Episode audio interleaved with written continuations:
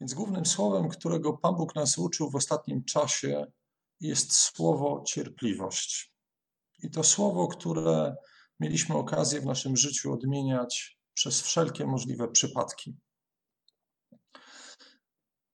I wydaje się, że definicja tego słowa jest bardzo prosta. Wystarczy, bo słowo cierpliwość to jest nic innego jak znoszenie ze spokojem przeciwności albo trudności. I człowiek cierpliwy to jest ten, który umie wytrwale na coś czekać. Więc wydaje się to proste, ale dla każdego z Was, który przechodził taki czas, wie doskonale, że definicja to jedno, ale życie to drugie. Więc spróbuję za pomocą słów listu Jakuba opisać, czego nas nasz Bóg uczy na temat cierpliwości. Króciutko, bo miałem okazję już w Gdyni jeszcze chyba dwa kazania na, z listu Jakuba głosić. Więc krótko tylko przypomnę, że ten list był kierowany do osób cierpiących. Osób, które cierpiły niedostatek i klęskę głodu, która te, wtedy ówczesną Jerozolimę, ówczesny Izrael i okolice opanowała, ale też do chrześcijan, którzy znosili prześladowania i odrzucenie własnej społeczności żydowskiej. Ale jeżeli spojrzymy na cały list, dostrzeżemy również, że społeczność ta niosła za sobą cierpienia, trudu dojrzewania ich jako społeczności. I do tego aspektu jeszcze wrócimy. Więc na początek chciałbym, żebyśmy zaprosić Was do tego, żebyśmy mogli na ten tekst spojrzeć i go przeczytać. Zaczniemy e, ten fragment od piątego rozdziału, e, od wersetu siódmego do wersetu jedenastego. Przeto bądźcie cierpliwi, bracia, aż do przyjścia Pana. Oto rolnik cierpliwie oczekuje cennego owocu ziemi, aż spadnie wczesny i późniejszy deszcz. Bądźcie i wy cierpliwi. Umocnijcie serca swoje, bo przyjście Pana jest bliskie. Nie narzekajcie, bracia, jedni na drugich, abyście nie byli sądzeni. Oto sędzia już u drzwi stoi. Bracia, za przykład cierpienia i cierpliwości bierzcie proroków, którzy przemawiali w imieniu Pańskim. Oto za błogosławionych uważamy tych, którzy wytrwali. Słyszeliście o wytrwałości Joba i oglądaliście zakończenie, które zgotował Pan. Bo wielce litościwy i miłosierny jest Pan. Cały ten fragment generalnie jest wielkim wezwaniem do cierpliwości, do takiego spokojnego trwania i znoszenia trudów i wyzwań. I Jakub używa kilku przykładów, żeby uzmysłowić nam, jak ta postawa cierpliwości powinna się wyrażać. Więc używa przykładu rolnika, proroka, posługuje się przykładem Hioba. I na samym początku pokazuje też perspektywę przyszłości. Przyszłości aż do przyjścia Pana. Więc próbujmy krótko każdy z tych aspektów pokrótce, e, pokrótce omówić.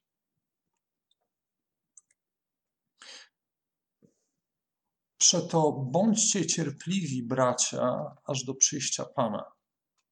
Bądźcie i wy cierpliwi, umacniajcie serca swoje, bo przyjście Pana jest bliskie.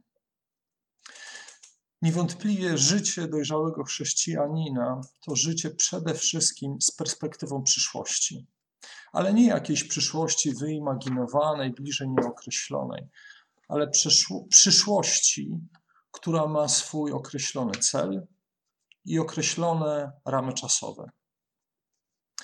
I ten cel nie jest tylko i wyłącznie czymś nieokreślonym, ale on pokazuje nam pewien efekt i nagrodę. Efekt. Efektem, i o tym Jakub pisze na początku swojego listu, tego czasu i kresu naszego czasu, który tutaj spędzamy na Ziemi, jest przede wszystkim dojrzałość i doskonałość i pełnia, z którą Pan stawi nas przed sobą. I to jest pierwszy taki konkretny efekt. Drugi to jest nagroda. To jest to wypełnienie, radość, bezpieczeństwo i szczęście, którego doświadczymy, gdy staniemy bezpośrednio przed obliczem Pana.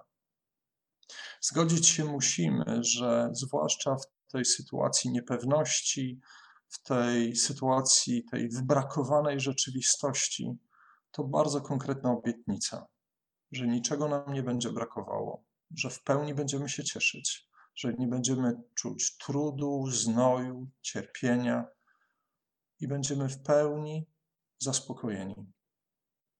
Więc perspektywa przyszłości ma swój konkretny efekt i cel, ale też ma swój czas. Jakub pisze, że przyjście Pana jest bliskie. Co to znaczy bliskie? Bo możemy sobie dewagować i zastanawiać się, przecież minęło 2000 lat temu. I czy znaczy, że wciąż jest to przyjście Pana bliskie? Otóż to pojęcie bliskości czasu nie ustala nam konkretnej daty. Za to podkreśla konkretną postawę, jakiej Bóg wobec nas oczekuje, gdy myślimy o tej przyszłości. Więc nie tyle jest ważna data i, i konkretna data, ale ważne jest pytanie, czy już teraz jesteśmy gotowi na to, że Pan może przyjść. Może przyjść dzisiaj, może przyjść jutro, może przyjść za miesiąc. Czy jesteśmy gotowi na spotkanie z naszym Ojcem? Czy to będzie spotkanie radosnych, wyczekujących dzieci, czy raczej to będzie dzień sądu, którym Pan będzie osądzał nasze dotychczasowe życie? I ta perspektywa nawet tej konkretnej przyszłości dla nas chrześcijan i też takiego radosnego wyczekiwania nie jest łatwa, zwłaszcza wtedy, gdy doskwiera nam ta codzienna, zwykła nasza rzeczywistość. I doświadczyliśmy tego zwłaszcza w ostatnich miesiącach, kiedy na początku wydawało nam się, że ta przyszłość, ta pewna zmiana, która nas czeka, gdzieś tam ona w perspektywie pół roku, może nawet roku nastąpi. Potem wyczekiwaliśmy jej już w perspektywie miesiąca. A potem tak naprawdę trudno było wyczekać choćby jeden tydzień. I gdy cierpimy, gdy chorujemy, gdy nasze dzieci przeżywają trudności, gdy w pracy jesteśmy w takiej sferze niepewności jutra, naszego utrzymania, trudno czekać. Trudno myśleć nam o tym, co będzie się działo jednak wtedy, gdy Pan stawi nas przed swoim obliczem. Ale właśnie do tego jesteśmy powołani, żeby w tej sytuacji tam kierować nasze myśli. Zatem bądźmy cierpliwi, bracia i siostry, aż Pan przyjdzie. Jakub podaje konkretne przykłady, chcąc nam zobrazować nasze zachowanie w tym czasie oczekiwania. Oto rolnik cierpliwie oczekuje cennego owocu ziemi, aż spadnie wczesny i późniejszy deszcz. I tutaj małe wprowadzenie. Musimy wiedzieć, że w klimacie Izraela mieliśmy takie, mamy takie cztery pory. Dwie są bardzo pewne. To jest czas ulewy i czas suszy. One co roku występują, ale one nie powodują albo nie gwarantują plonów. One wręcz tym plonom zagrażają. Kluczowy zawsze był ten wczesny i późniejszy deszcz. Wczesny deszcz który występował gdzieś na początku października, on spulchniał wyschniętą po suszy ziemię, aby ją przygotować do orki i zasiewu. Zaś późny deszcz, on występował zazwyczaj na przełomie marca i kwietnia, był niezbędny do tego, aby potem kłosy zbóż były pełne. Też ten późny deszcz, gdy występował, on przypominał rolnikom, że już za chwilę przyjdzie okres wzmożonego trudu żniw. Więc z tego przykładu rolników możemy wysnuć dwie obserwacje. Po pierwsze, plony, których spodziewali się Izraelici, które były tak niezbędne do utrzymania życia, one zawsze zależały od Boga. Bo susza i ulewa były zawsze pewne. Zawsze pewne. Ale to, czy oni będą mieli co jeść, zależało od tego, czy będzie wczesny deszcz, gdzie oni będą dokonać mogli zasiewów, i późny deszcz, kiedy te kłosy się wykształcą i przyniosą, przyniosą potrzebne plony. Więc plony zależały od Boga. I druga obserwacja to błogosławieństwo w postaci tego późnego i wczesnego deszczu, ono zawsze mówiło o tym, drogi rolniku, zbliża się praca. Za chwilę będziesz musiał zakasać rękawy i pracować. Więc ten, to błogosławieństwo w postaci tych deszczów niosło za sobą gotowość rolnika do pracy. Zatem, przytaczając ten przykład rolnika, Jakub chce powiedzieć: trwajcie w doświadczeniach jak rolnicy, czyli ufajcie Bogu i bądźcie do, gotowi do współdziałania z Nim. I zatem, czy my w naszych doświadczeniach ufamy Bogu? Czy rzeczywiście jesteśmy gotowi, aby z Nim współdziałać, gdy będzie On przemieniał nasze serca i to wcale nie będzie łatwe dla nas? Czy raczej będziemy skłonni do tego, żeby się bardziej koncentrować na narzekaniu i szukaniu winnych naszej sytuacji? Zatem trwajmy jak rolnicy, ufajmy i bądźmy gotowi do działania. Następny przykład to są e, prorocy.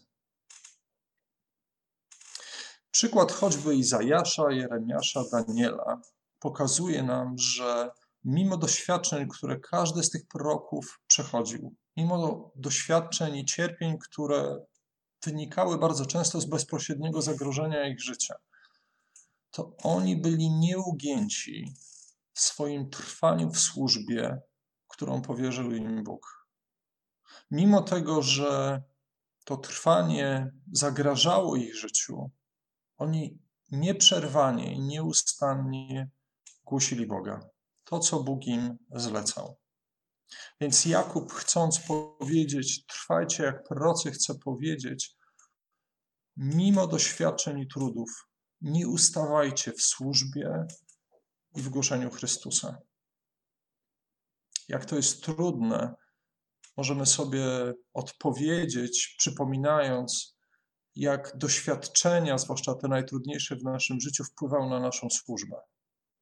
Czy one je ograniczały, czy wtedy może łatwiej było tą służbę odsunąć na dalszy plan, może wtedy tłumaczyliśmy, najpierw muszę zrobić porządek ze swoją pracą, najpierw ustabilizować sytuację finansową, najpierw zająć się rodziną, a potem tak naprawdę będę w stanie Panu Bogu służyć. Więc jak zatem te doświadczenia, które Bóg dopuszcza do nas, wpływają choćby na Jego głoszenie? Czy to nie jest tak, że gdy cierpimy, to naszą odwagę zaczyna wspiera, wypierać, wypierać wstyd. Mnie osobiście w tych ostatnich miesiącach, w tych zmagań, żeby nie ustawać, wspierał i mobilizował Bóg poprzez po pierwsze studia, które mi dał, a po drugie poprzez przygotowywanie tych kilkunastu kazań, które musiałem wygłosić w Gdańsku. I dzięki temu mogłem trwać i mimo trudnych chwil i emocji, które chciały mną nieraz obezwładnić, e, jednak wciąż Bóg mnie mobilizował, żebym myślał o tym, co On mi włożył w serca, bym zrobił ze względu na Niego. Ale też i moja żona, która wciąż mimo ograniczeń choćby związanych z pandemią, ciągle dążyła do tego, żeby jak najczęściej spotykać się z wierzącymi, prowadzić grupy biblijne i małżeńskie. Zatem w naszych doświadczeniach, bracia, bądźmy jak prorocy, którzy byli nieugięci, którzy nie poddawali się i wciąż, mimo trudności, służyli Bogu. Oto za błogosławionych uważajmy tych, którzy wytrwali. Słyszeliście o wytrwałości Hioba i oglądaliście zakończenie, które zgotował Pan. Tu Jakub przypomina nam tego takiego zwykłego, pobożnego człowieka, ojca, męża, rolnika, który w bardzo krótkim czasie stracił wszystko, wszystko, co było, jego cel, co było dla niego celne. Poznajemy go przez lekturę Księgi Hioba, że nie był typem stoika, którego doświadczenia nie dotykały. Czytamy i widzimy na kartach Księgi jego straszliwe cierpienia. Słyszymy jego wylewanie żalów, skargi do Boga, nieustanne zadawanie pytań, które pewnie sami nieraz chcielibyśmy, a czasami się obawiamy zadawać Bogu. Po co to wszystko? Do czego nas to ma prowadzić? Ale widzimy też Hioba, którego, który cierpliwie czekał na Bożą odpowiedź i na Boże działanie, i w końcu się doczekał. W 42 rozdziale, w piątym wersecie, na koniec tej księgi Hiob przyznał: Tylko ze słyszenia wiedziałem do tej pory o Tobie, lecz teraz moje oko ujrzało Cię. Bóg pozwolił Hiobowi przejść przez jego cierpienie, aby mu się w szczególny sposób objawić go umocnić, ale też pobłogosławić jego drugą część życia jeszcze bardziej, niż była błogosławiona pierwsza część jego życia. Hiob szukał pocieszenia i siły i odpowiedzi w, w samym Bogu. My często popełniamy błąd, gdy cierpimy, szukając przede wszystkim siły do wytrwania w sobie samym, w sobie samych. Myślimy, że mamy mocny charakter, że już mamy pewne doświadczenia, które pomogą nam przez te doświadczenia przejść. Albo mamy kochającą rodzinę, wspierającą i myślimy, że to nam przede wszystkim pomoże przez ten okres przejść. Albo ufamy, że nagle okoliczności jakoś szczęśliwie się zmienią. Coś się wydarzy w pracy, pojawi się nowa oferta i wszystkie nasze potrzeby zostaną zaspokojone. Ale siła zawsze leży poza nami. Siła zawsze będzie leżała jedynie w Bogu. Więc Jakub mówi do nas: Trwajcie cierpliwie jak Hiob i szukajcie w Bogu siły do wytrwania. Czy zatem zadajemy Bogu pytania, do czego to doświadczenie ma nas doprowadzić, w którym obecnie jesteśmy? Albo czego oczekujemy od Boga? Czy oczekujemy jedynie zmiany okoliczności, czy może zmiany naszego serca?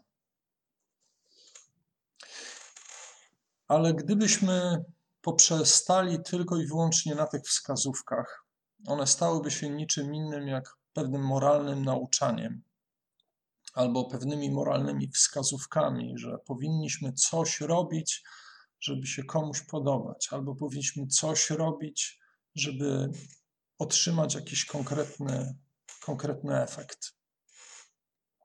Jednak w ostatnim w ostatnich słowach tego fragmentu, niejako w podsumowaniu, Jakub wskazuje nam na rzeczywiste i prawdziwe źródło naszej przemiany, które pozwoli nam sprostać tym oczekiwaniom, które Jakub przedstawił we wzorcach, bo wielce litościwy i miłosierny jest Pan. To nie nasze siły, to Boże współczucie i obfita w działaniu miłość ma nas przemieniać i upodabniać do naszego Pana. Wspominałem o tym, że Jego cel jest jasny, abyśmy byli doskonali w tych doświadczeniach i nienagalni, nie mających żadnych braków. Ale Bóg doskonale wie i doskonale wiedział, gdy przychodziliśmy na ten świat, że nie jesteśmy w stanie temu sprostać I to właśnie Jego Boża litość i miłosierdzie względem nas skierowała naszego Pana Jezusa Chrystusa na krzyż, aby poniósł sprawiedliwą karę za nasze grzechy i dzięki temu wyrwał nas z mocy ciemności i przeniósł do królestwa swojego Syna miłowanego, jak pisze Paweł w liście do Kolosa. I to jest prawdziwe, jedyne źródło naszego wytrwania i naszego doskonalenia w doświadczeniach, które nas spotykają. Wspominałem na początku o tym, że często te doświadczenia przychodzą do nas z zewnątrz, tak jak do tego kościoła. To był głód, to było prześladowanie. Ale powrócę, chcę wrócić również do tego aspektu doświadczeń, którego źródłem jest nasza własna niedoskonałość, której doświadczamy od siebie nawzajem w naszym zborze. Gdy spojrzymy na z lotu ptaka na cały list Jakuba, zobaczymy, że Jakub dostrzega w zborach, do których pisze, że następuje tam pewne segregowanie wierzących na lepszych i gorszych, że członkowie tych zborów okazują brak integralności między tym, co mówią, a co robią. Że mocno pokładają nadzieję we własnych umiejętnościach, we własnej wiedzy, mądrości albo w bogactwie. Widzi, jak w tych zborach dochodzi do niesnasek, które prowadzą do kłótni, a w końcu do zawiści. I tak naprawdę w tym całym liście Jakub skupił się na, przede wszystkim na tym źródle bo one przysparzały najwięcej cierpień, bo któż tych cierpień może nam przysparzyć, przysporzyć najwięcej, jak nie te najbliższe nam osoby. Zatem Bóg objawia nam w tych słowach Jakuba, że tą cierpliwość i to znoszenie doświadczeń powinniśmy, powinniśmy szczególnie pielęgnować ze względu na siebie nawzajem, na naszą społeczność, na nasz zbór. Możemy podsumowując to stwierdzić, że cierpliwe znoszenie doświadczeń to zaufanie, że to właśnie Bóg ma moc przemienić nasze serca. Że Będziemy cierpliwie znosić nasze doświadczenia wtedy, gdy będziemy wpatrzeni w przygotowaną przez Niego przyszłość, gdzie będziemy gotowi do współdziałania z Nim ku dobremu, kiedy nieprzerwanie będziemy służyć Jemu i świadczyć o Nim, gdy będziemy trwać w Nim mimo przeciwności, w bliskiej relacji i wyczekiwać pomocy od Niego wyczekiwać Jego interwencji, wyczekiwać Jego działania. Chciałbym, żebyśmy mogli na koniec zostać z takimi dwoma pytaniami. W jakim aspekcie naszej postawy, szczególnie wobec siebie nawzajem, zboże, potrzebujemy Bożego wzmocnienia, aby móc dojrzale reagować na doświadczenia? I drugie pytanie. W naszym zborze z pewnością są osoby, które znoszą rozmaite, trudne, bolesne doświadczenia. W jaki sposób możemy sobie nawzajem pomóc, aby nasze serca zostały wzmocnione?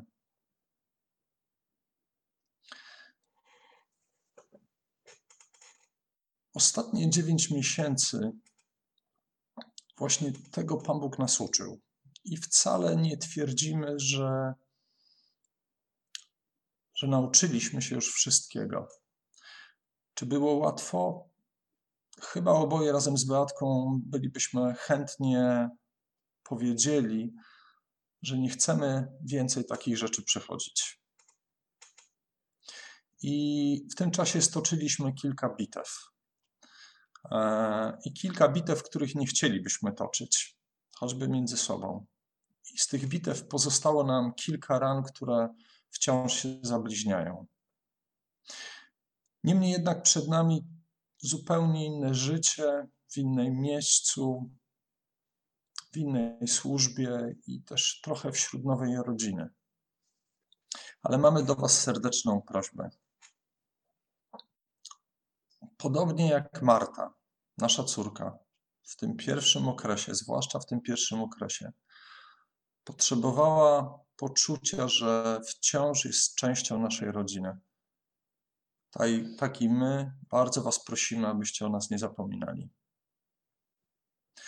Chcielibyśmy móc co jakiś czas, jak Pan Bóg pozwoli, gdy będziemy odwiedzać zbór, chcielibyśmy być witani nie jako zaproszeni goście, ale jako członkowie rodziny, którzy podjęli trud samodzielnego życia i samodzielnej służby, którzy wciąż nieustannie potrzebują Waszego wsparcia, zachęty i modlitwy. Zawsze dla nas byliście rodziną i zawsze taką rodziną chcielibyśmy, żebyście pozostali.